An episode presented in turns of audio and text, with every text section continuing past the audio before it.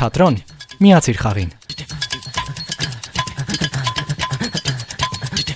Գրեցի շարժական թատրոն, այդպիսի մի նախագիծ գրեցի, բայց դա ընդհանրապես տենց երազանք էր կարելի ասել։ Երեխաները ում մոտ մենք մեր բեմով, փոքրիկ բեմով այցելել ենք, մարզեր, գյուղեր, իրենք լայն բացած աչքերով, շատ լայն ժպիտներով մեզ դիմավորելու ճանապարհել են։ Օրինակ իմ տիկնիկին հարց է տալիս երեխան, ինչքան է որ այդտեղ 40 հոգի երեխա է, ես անպայման պետք է պատասխանեմ այդ երեխային։ Դժվար է, բայց ինձ շատ մեծ հաճույք է ապարգևում։ Այս երազանքին չէինք պատկերացնում, որ կհասնենք ճիշտն ասած, որ արդեն ավտո ավտոբուս բեմ կունենանք, ինքը մի հատ հեքիաթային բան է լինելու, չգիտեմ։ Ինձ թվում է, որ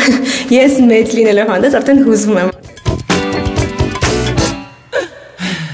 Նոր թատերական հարթակների, էքսպերիմենտների, պրեմիերաների մասին պատմում եմ խստապահանջ թատերագետի ու թատրոնին սիրահարված հանդիսատեսի աչքերով։ Ողջույն, ես Արմինեն եմ։ Դու լսում ես Թատրոն ոդքասթը։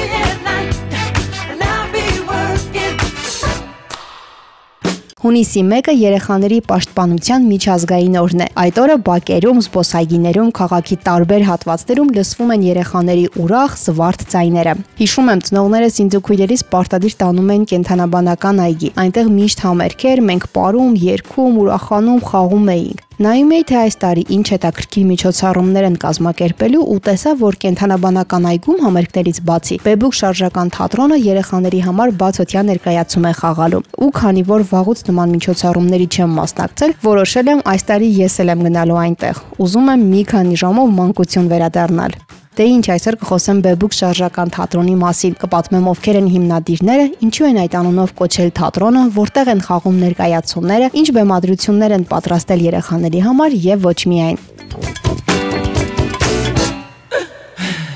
Օրեր առաջ ուսանող լրագրողների հետ կարճ հարցազրույց ունեցա։ Թեման թատերական նավարտած ուսանողների համար ինչ հնարավորություններ կան այսօր, հատկապես պետական թատրոններում։ Բոլորս գիտենք, ինստիտուտն ավարտելուց հետո ոչ ոքի համար թատրոնների դռները չեն բացվում։ Իհարկե բացառություններ լինում են։ Պետք է շատ աշխատել, ստեղծագործել եւ մի քանի հաջող բեմադրությունների փորձ ունենալ, հետո միայն մտածել պետական թատրոնների դռները թակելու մասին։ Կարծում եմ, սա ոչ լավ է, ոչ վատ։ Տարիներ շարունակ գործող, իր գեղագիտությունն ունեցող, հստակ խաղացանկային քաղաքականություն վարող թատրոններում հայտնվելը բնականաբար դժվար է։ Դրա համար պետք է օգտվել 21-րդ դարի ընձեռած հնարավորություններից։ Ամենուր կարելի է թատրոն ստեղծել, եթե ունես անսպար ստեղծագործելու ցանկություն եւ ամուր կամք։ Որպես օրինակ պատմեցի Բեբուկ շարժական թատրոնի մասին, որն արդեն մի քանի տարի է գործում է Երևանի գրականության եւ արվեստի թանգարանում։ Բեբուկը շարժական թատրոն է, որտեղ բեմադրվում են տեխնիկային եւ ստվերային ինտերակտիվ ներկայացումներ։ Թատրոնի հիմնադիրները Թատերական ինստիտուտի ուսանողներ Ռուզաննա Պետրոսյանն ու Անի Երեմյանն են։ Ռուզաննա Պետրոսյանն ասում է. «Սկզբում դժվարությունները շատ էին, բայց համառ աշխատանքի շնորհիվ այսօր ունեն այն թատրոնը, որի մասին այդքան երազում էին»։ Կուրսային աշխատանքի ժամանակ գրեցի շարժական թատրոն, այդպիսի մի նախագիծ գրեցի, բայց դա ընդհանրապես տենց երազանք էր կարելի ասել, եւ ինչ որ պահից ես ու Անին երբ որ սկսեցինք համագործակցել, հասկացանք, որ համագործակցությունը շատ լավ է ստացվում ու կարելի է իրար հետ մի հատ sense պրոյեկտ սկսել։ Ընդհանրապես երբ որ դու սկսում ես քո ուժերով ինչ որ նախագիծ, այդտեղ պետք է հասկանաս, որ հիասթափությունները միշտ կան, ինչու որովհետեւ քո ուժերով ես սկսում, այսինքն ոչ մի ֆինանսավորում մենք կողքից չենք ունեցել, մենք ամեն ինչ արել ենք ես ու Անին մեր կողմից, որ մենք նոր էինք սկսել հունվար-փետրվար ամիսներին հանդիսատես ընդհանրապես չէր եղել, որովհետև չգիտեմ, դե մենք նոր էինք, նոր էինք, պետք է ճանաչում ձեռք բերենք։ Այն մարդիկ, որ նոր են սկսում, ես միշտ ասում եմ, որ երբեք չհանձնվեք հանդիսատեսի բացակայության պատճառով հնարավոր էր, որ մենք հիասթափվենք եւ վերջ դնեինք այն ամենին, ինչ որ սկսել էինք, բայց շատ համառորեն ենք իսկապես գործի հետ եղել, որովհետև չգիտեմ, եթե այդ համառությունը չլիներ, մենք շատ հեշտ կհանձնվեինք, որովհետև 3 տարին եղել է մի հատ sense փուլ, որ մեզ ճանաչեն, մեզ սիրեն, մենք հիմա այդ խնդիրը փառք աստծո չունենք, այսինքն մեզ սիրում են, անգամ երեխաներ կան, որ 3 անգամ նույն ներկայացումը նայել են, բայց այդ սկզբի փուլը ես բոլոր այն մարդկանց, ովքեր թե թատրոն կուզեն սկսեն, թատրոնը այդ ամենաբարդն է իհարկե, բայց ինչ գործ որ կուզեն սկսեն, կասեն, որ համբերություն անպայման ունենան, որովհետև մենք նոր-նոր համբերության պտուղներն ենք քաղում իրականում։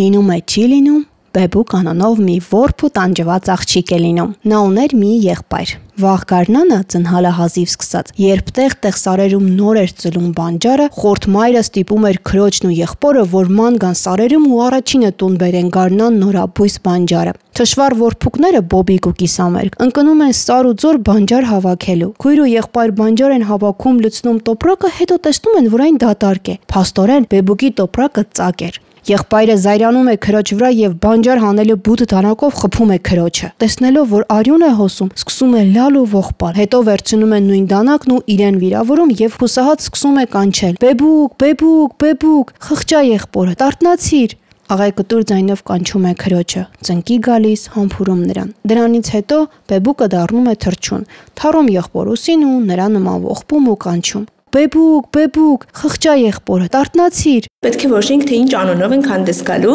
Շատ էինք փնտրում, որ հայկական ինչ որ ցակումով լինի անունը ու հայկական ավանդապատումների գրքից գտանք Բեբուկի մասին պատմություն ու ինձ թվաց, որ շատ մանկական է հնչում։ Սկզբում իհարկե այլ անուններ էինք մտածել, նաև մտածել էինք Մակո այնտեղ, որտեղ Մակոն առաջին տիկնիկն էր, բայց որոշեցինք, որ չէ Բեբուկ է մնում ու երեխաների կողմից շատ է սիրվել այս Բեբուկը, շատ ֆիքսվել են, այսինքն եթե ինչ որ մեկը մի անգամ գալիս է, հետո գալիս է ուր է Բեբուկը, անպայման փնտրում է Բեբուկին։ Բեբուկը արդեն 2 տարի է, այս տարի 3-րդ տարին է գործում է, հունիսի 1-ին արդեն կունենանք մեր ավտոբուսը։ Ներկայացումները անպայման ինտերակտիվ ոճով են տեղի ունենում։ Օրինակ այսօր կարմիր գլխարկներ եւ կարմիր գլխարկի ժամանակ երեխաները պատրաստում են պարտադիր տիկնիկներ, կարմիր գլխարկներ եւ գայլեր եւ փորձում են մեզ համար փոքրիկ բեմադրություն խաղալ։ Այդպես մեզ մոտ միշտ խառնաշփոթ է, ասենց բարձր ձայներ են, բայց դա շատ նորմալ է, որտեղ երեխեքը այստեղ շատ ազատ են իրենց զգում։ Ներկայացման ընթացքում նույնպես մասնակից են դառնում, այսինքն դերասանը իրենց հարց է տալիս, պատասխանում են։ Միշտ այդ ընթացքի մեջ են լինում, երբեմն անգամ հանդիսատես ասում որ իրենց երեխան ուրիշ թատրոնում չի նստում նայում, որովհետև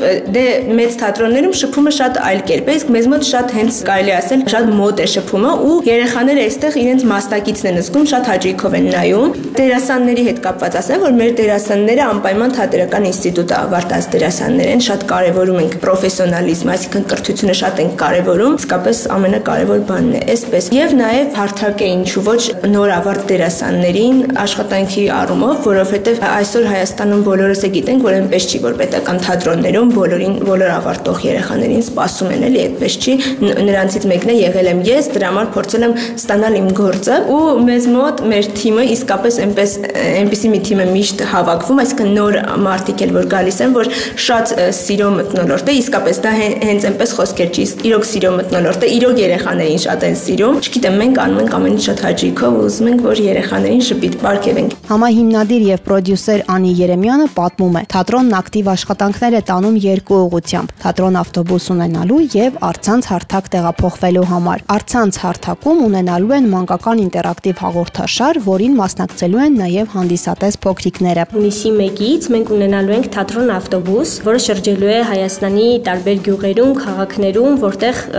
երեխաները սպասում են թատրոնին ու այդ հրաշքին, որովհետեւ ցավոք թատրոնը այդքան լայն տարածում չունի Հայաստանի այդ սահմանամերձ բնակավայրերում, ավելի հեռավոր, որովհետեւ հիմնականում մշակույթի կենտրոնացված է Երևանում, ցավոք սրտի։ Ու այն բոլոր երեխաները, ում մոտ մենք մեր բեմով, փոքրիկ բեմով այցելել ենք, մարզեր, գյուղեր, իրենք լայն բացած աչքերով, շատ լայն ժպիտներով մեզ դիմավորելու ճանապարհել են ու հաստատ մեզ էլի են սպասում։ Հիմա մենք Հայաստանի բարեգործական ընդհանուր միության աջակցությամբ Artbox ծրագրին մասնակցեցինք եւ դրամաշնոր շահեցինք եւ դրամաշնորի օգնությամբ ավտոբուս ենք ձեռք բերել, որը վերածվելու է թատրոն ավտոբուսի։ Հիմա հունիսի 1-ին շնորհանդեսն է լինելու ու բոլորին հրավիրում են կենթանաբանական այգում ժամը 13:00-ին ներկայանալու են կախարդական ավտոբուսը ներկայացմամբ եւ երեխաներին ներկայացնելու ենք մի հրաշալի ինտերակտիվ ներկայացում, որը իրենց կսովորեցնի ճանապարհային երթևեկության եւ հետիոտնային անցման կանոնները։ Այդ օրը իրենց հետ ենք համագործակցելու եւ ելի տարբեր հասցեներում ենք լինելու։ Դրանից հետո արդեն հավանաբար կենթանաբանական այգում բացօթյա ներկայացումներ կունենանք ողջ ամառվա ընթացքում մեր ավտոբուսով, այնպես որ բոլորին սիրով հրավիրում ենք։ Եթե դերասաններին հարցնեք բեմում երբ են ավելի լարված լինում, վստահ եմ կպատասխանեն այն ժամանակ, երբ խաղում են երեխաների համար, նրանք ավելի կմահաճ ու խստապահանջ են։ Քրիստինա Սիմոնյանը Բեբուկ թատրոնին է միացել անցյալ տարի սեպտեմբերից։ Կարմիր գլխարկներ առաջին ներկայացումը, երբ ներմուծվեցի որպես Կարմիր գլխարկ։ Իրականում շատ եմ սիրում մեր ներկայացումները, որովհետև առաջին հերթին եւ որպես տեխնիկավար եւ ընդհանուր կարծում եմ մեր ամբողջ թատրոնի գերնպատակն է, որպեսզի երեխայի ամեն բացականչությունը, իր ամեն այդ պահին հուզմունք կամ վախը մենք նկատենք եւ իր հետ մտնենք երկխոսության մեջ, եթե օրինակ իմ տեխնիկին հարց է տալիս երեխան, ինչքան է որ այդտեղ 40 հոգի երեխա է, ես անպայման պետք է պատասխանեմ այդ երեխային երեխային։ Դժվար է, բայց ինձ շատ մեծ հաճույք է ապարգևում, քանի որ շուտով ունենալու ենք մեր ավտոբուսը։ Այո, ավելի է բարթանում, բայց մեր նպատակը մնում է նույնը։ Իմ թեզը որ շուտով պետք է պաշտպանեմ, հենց մանկապատանեկան ներկայացումներն են, ու գուցե հենց այդ նպատակով էլ ես որոշեցի մտնել մանկական թատրոնում աշխատել, որովհետև դա լրիվ ուրիշ զգացողություն է, ավելի շատ է պատասխանատվությունը, որովհետև դու նաև դաստիարակում ես երեխային որոշ չափով, դու չես կարող թույլ տալ քեզ սխալ ինչ-որ խոսք կամ սխալ ինչ-որ էմոցիա, այնպես որ դա ավելի ուրիշ է, դա ուրիշ է, բայց շատ ավելի հետաքրքիր։ Անցած ներկայացմաններ մի երեխա այնքան էր սիրել կարմիր գլխարկին եւ ինձ, այնքան էր գրկում, չէր դիմանում, գրկում էր, չէր ուզում գնար եւ այսպես շատ է լինում։ Երեխակա ամաչում է այսպես մոտենում է ու սկսում է շոյել կարմիր գլխարկին։ Այդ բան հասկանում եմ վերջ։ Ես իր հարված եմ կարմիր գլխարկի։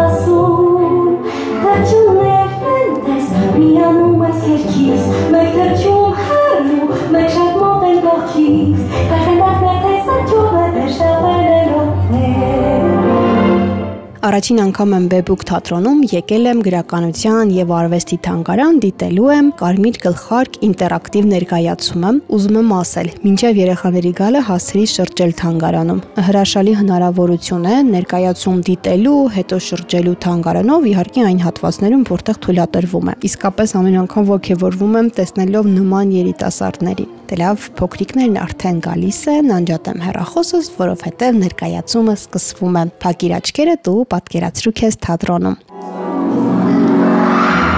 Ես բեբուկ գուն եմ, հեքիաթաս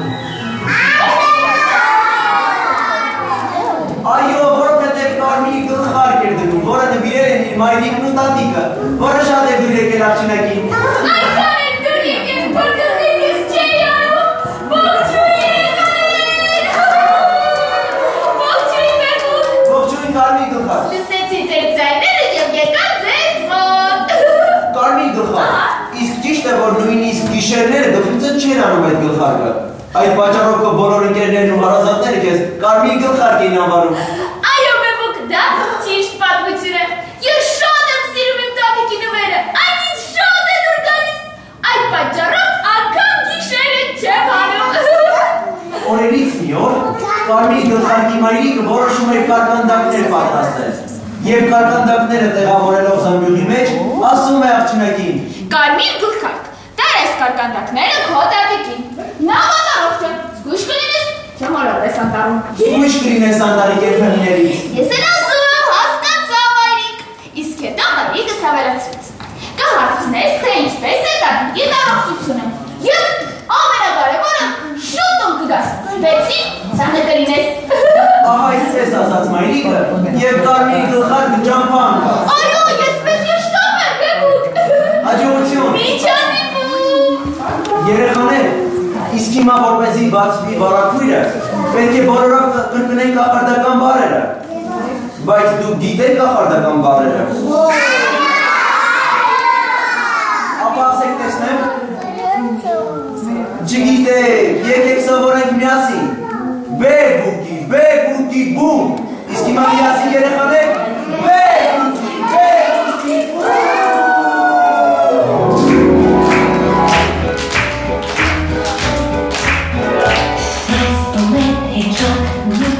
Ներկայացման վերջում բոլորիս տակ-տակ կարկանդակներ հյուրասիրեցին։ Կարծում եմ շարժական ավտոբուս ունենալն ավելի լայն հնարավորություններ կստեղծի թատրոնի համար։ Գուցե պետք է մտածենք, ինչպես օգնենք աղջիկներին այս հարցում։ Չմոռանամ ասել, թատրոն կարող ես լսել ամենուր։ Այցելին մեր կայք imradio.am կամ Apple Podcast, Spotify ու մնացած քեզ հայտնի podcast հարթակներ։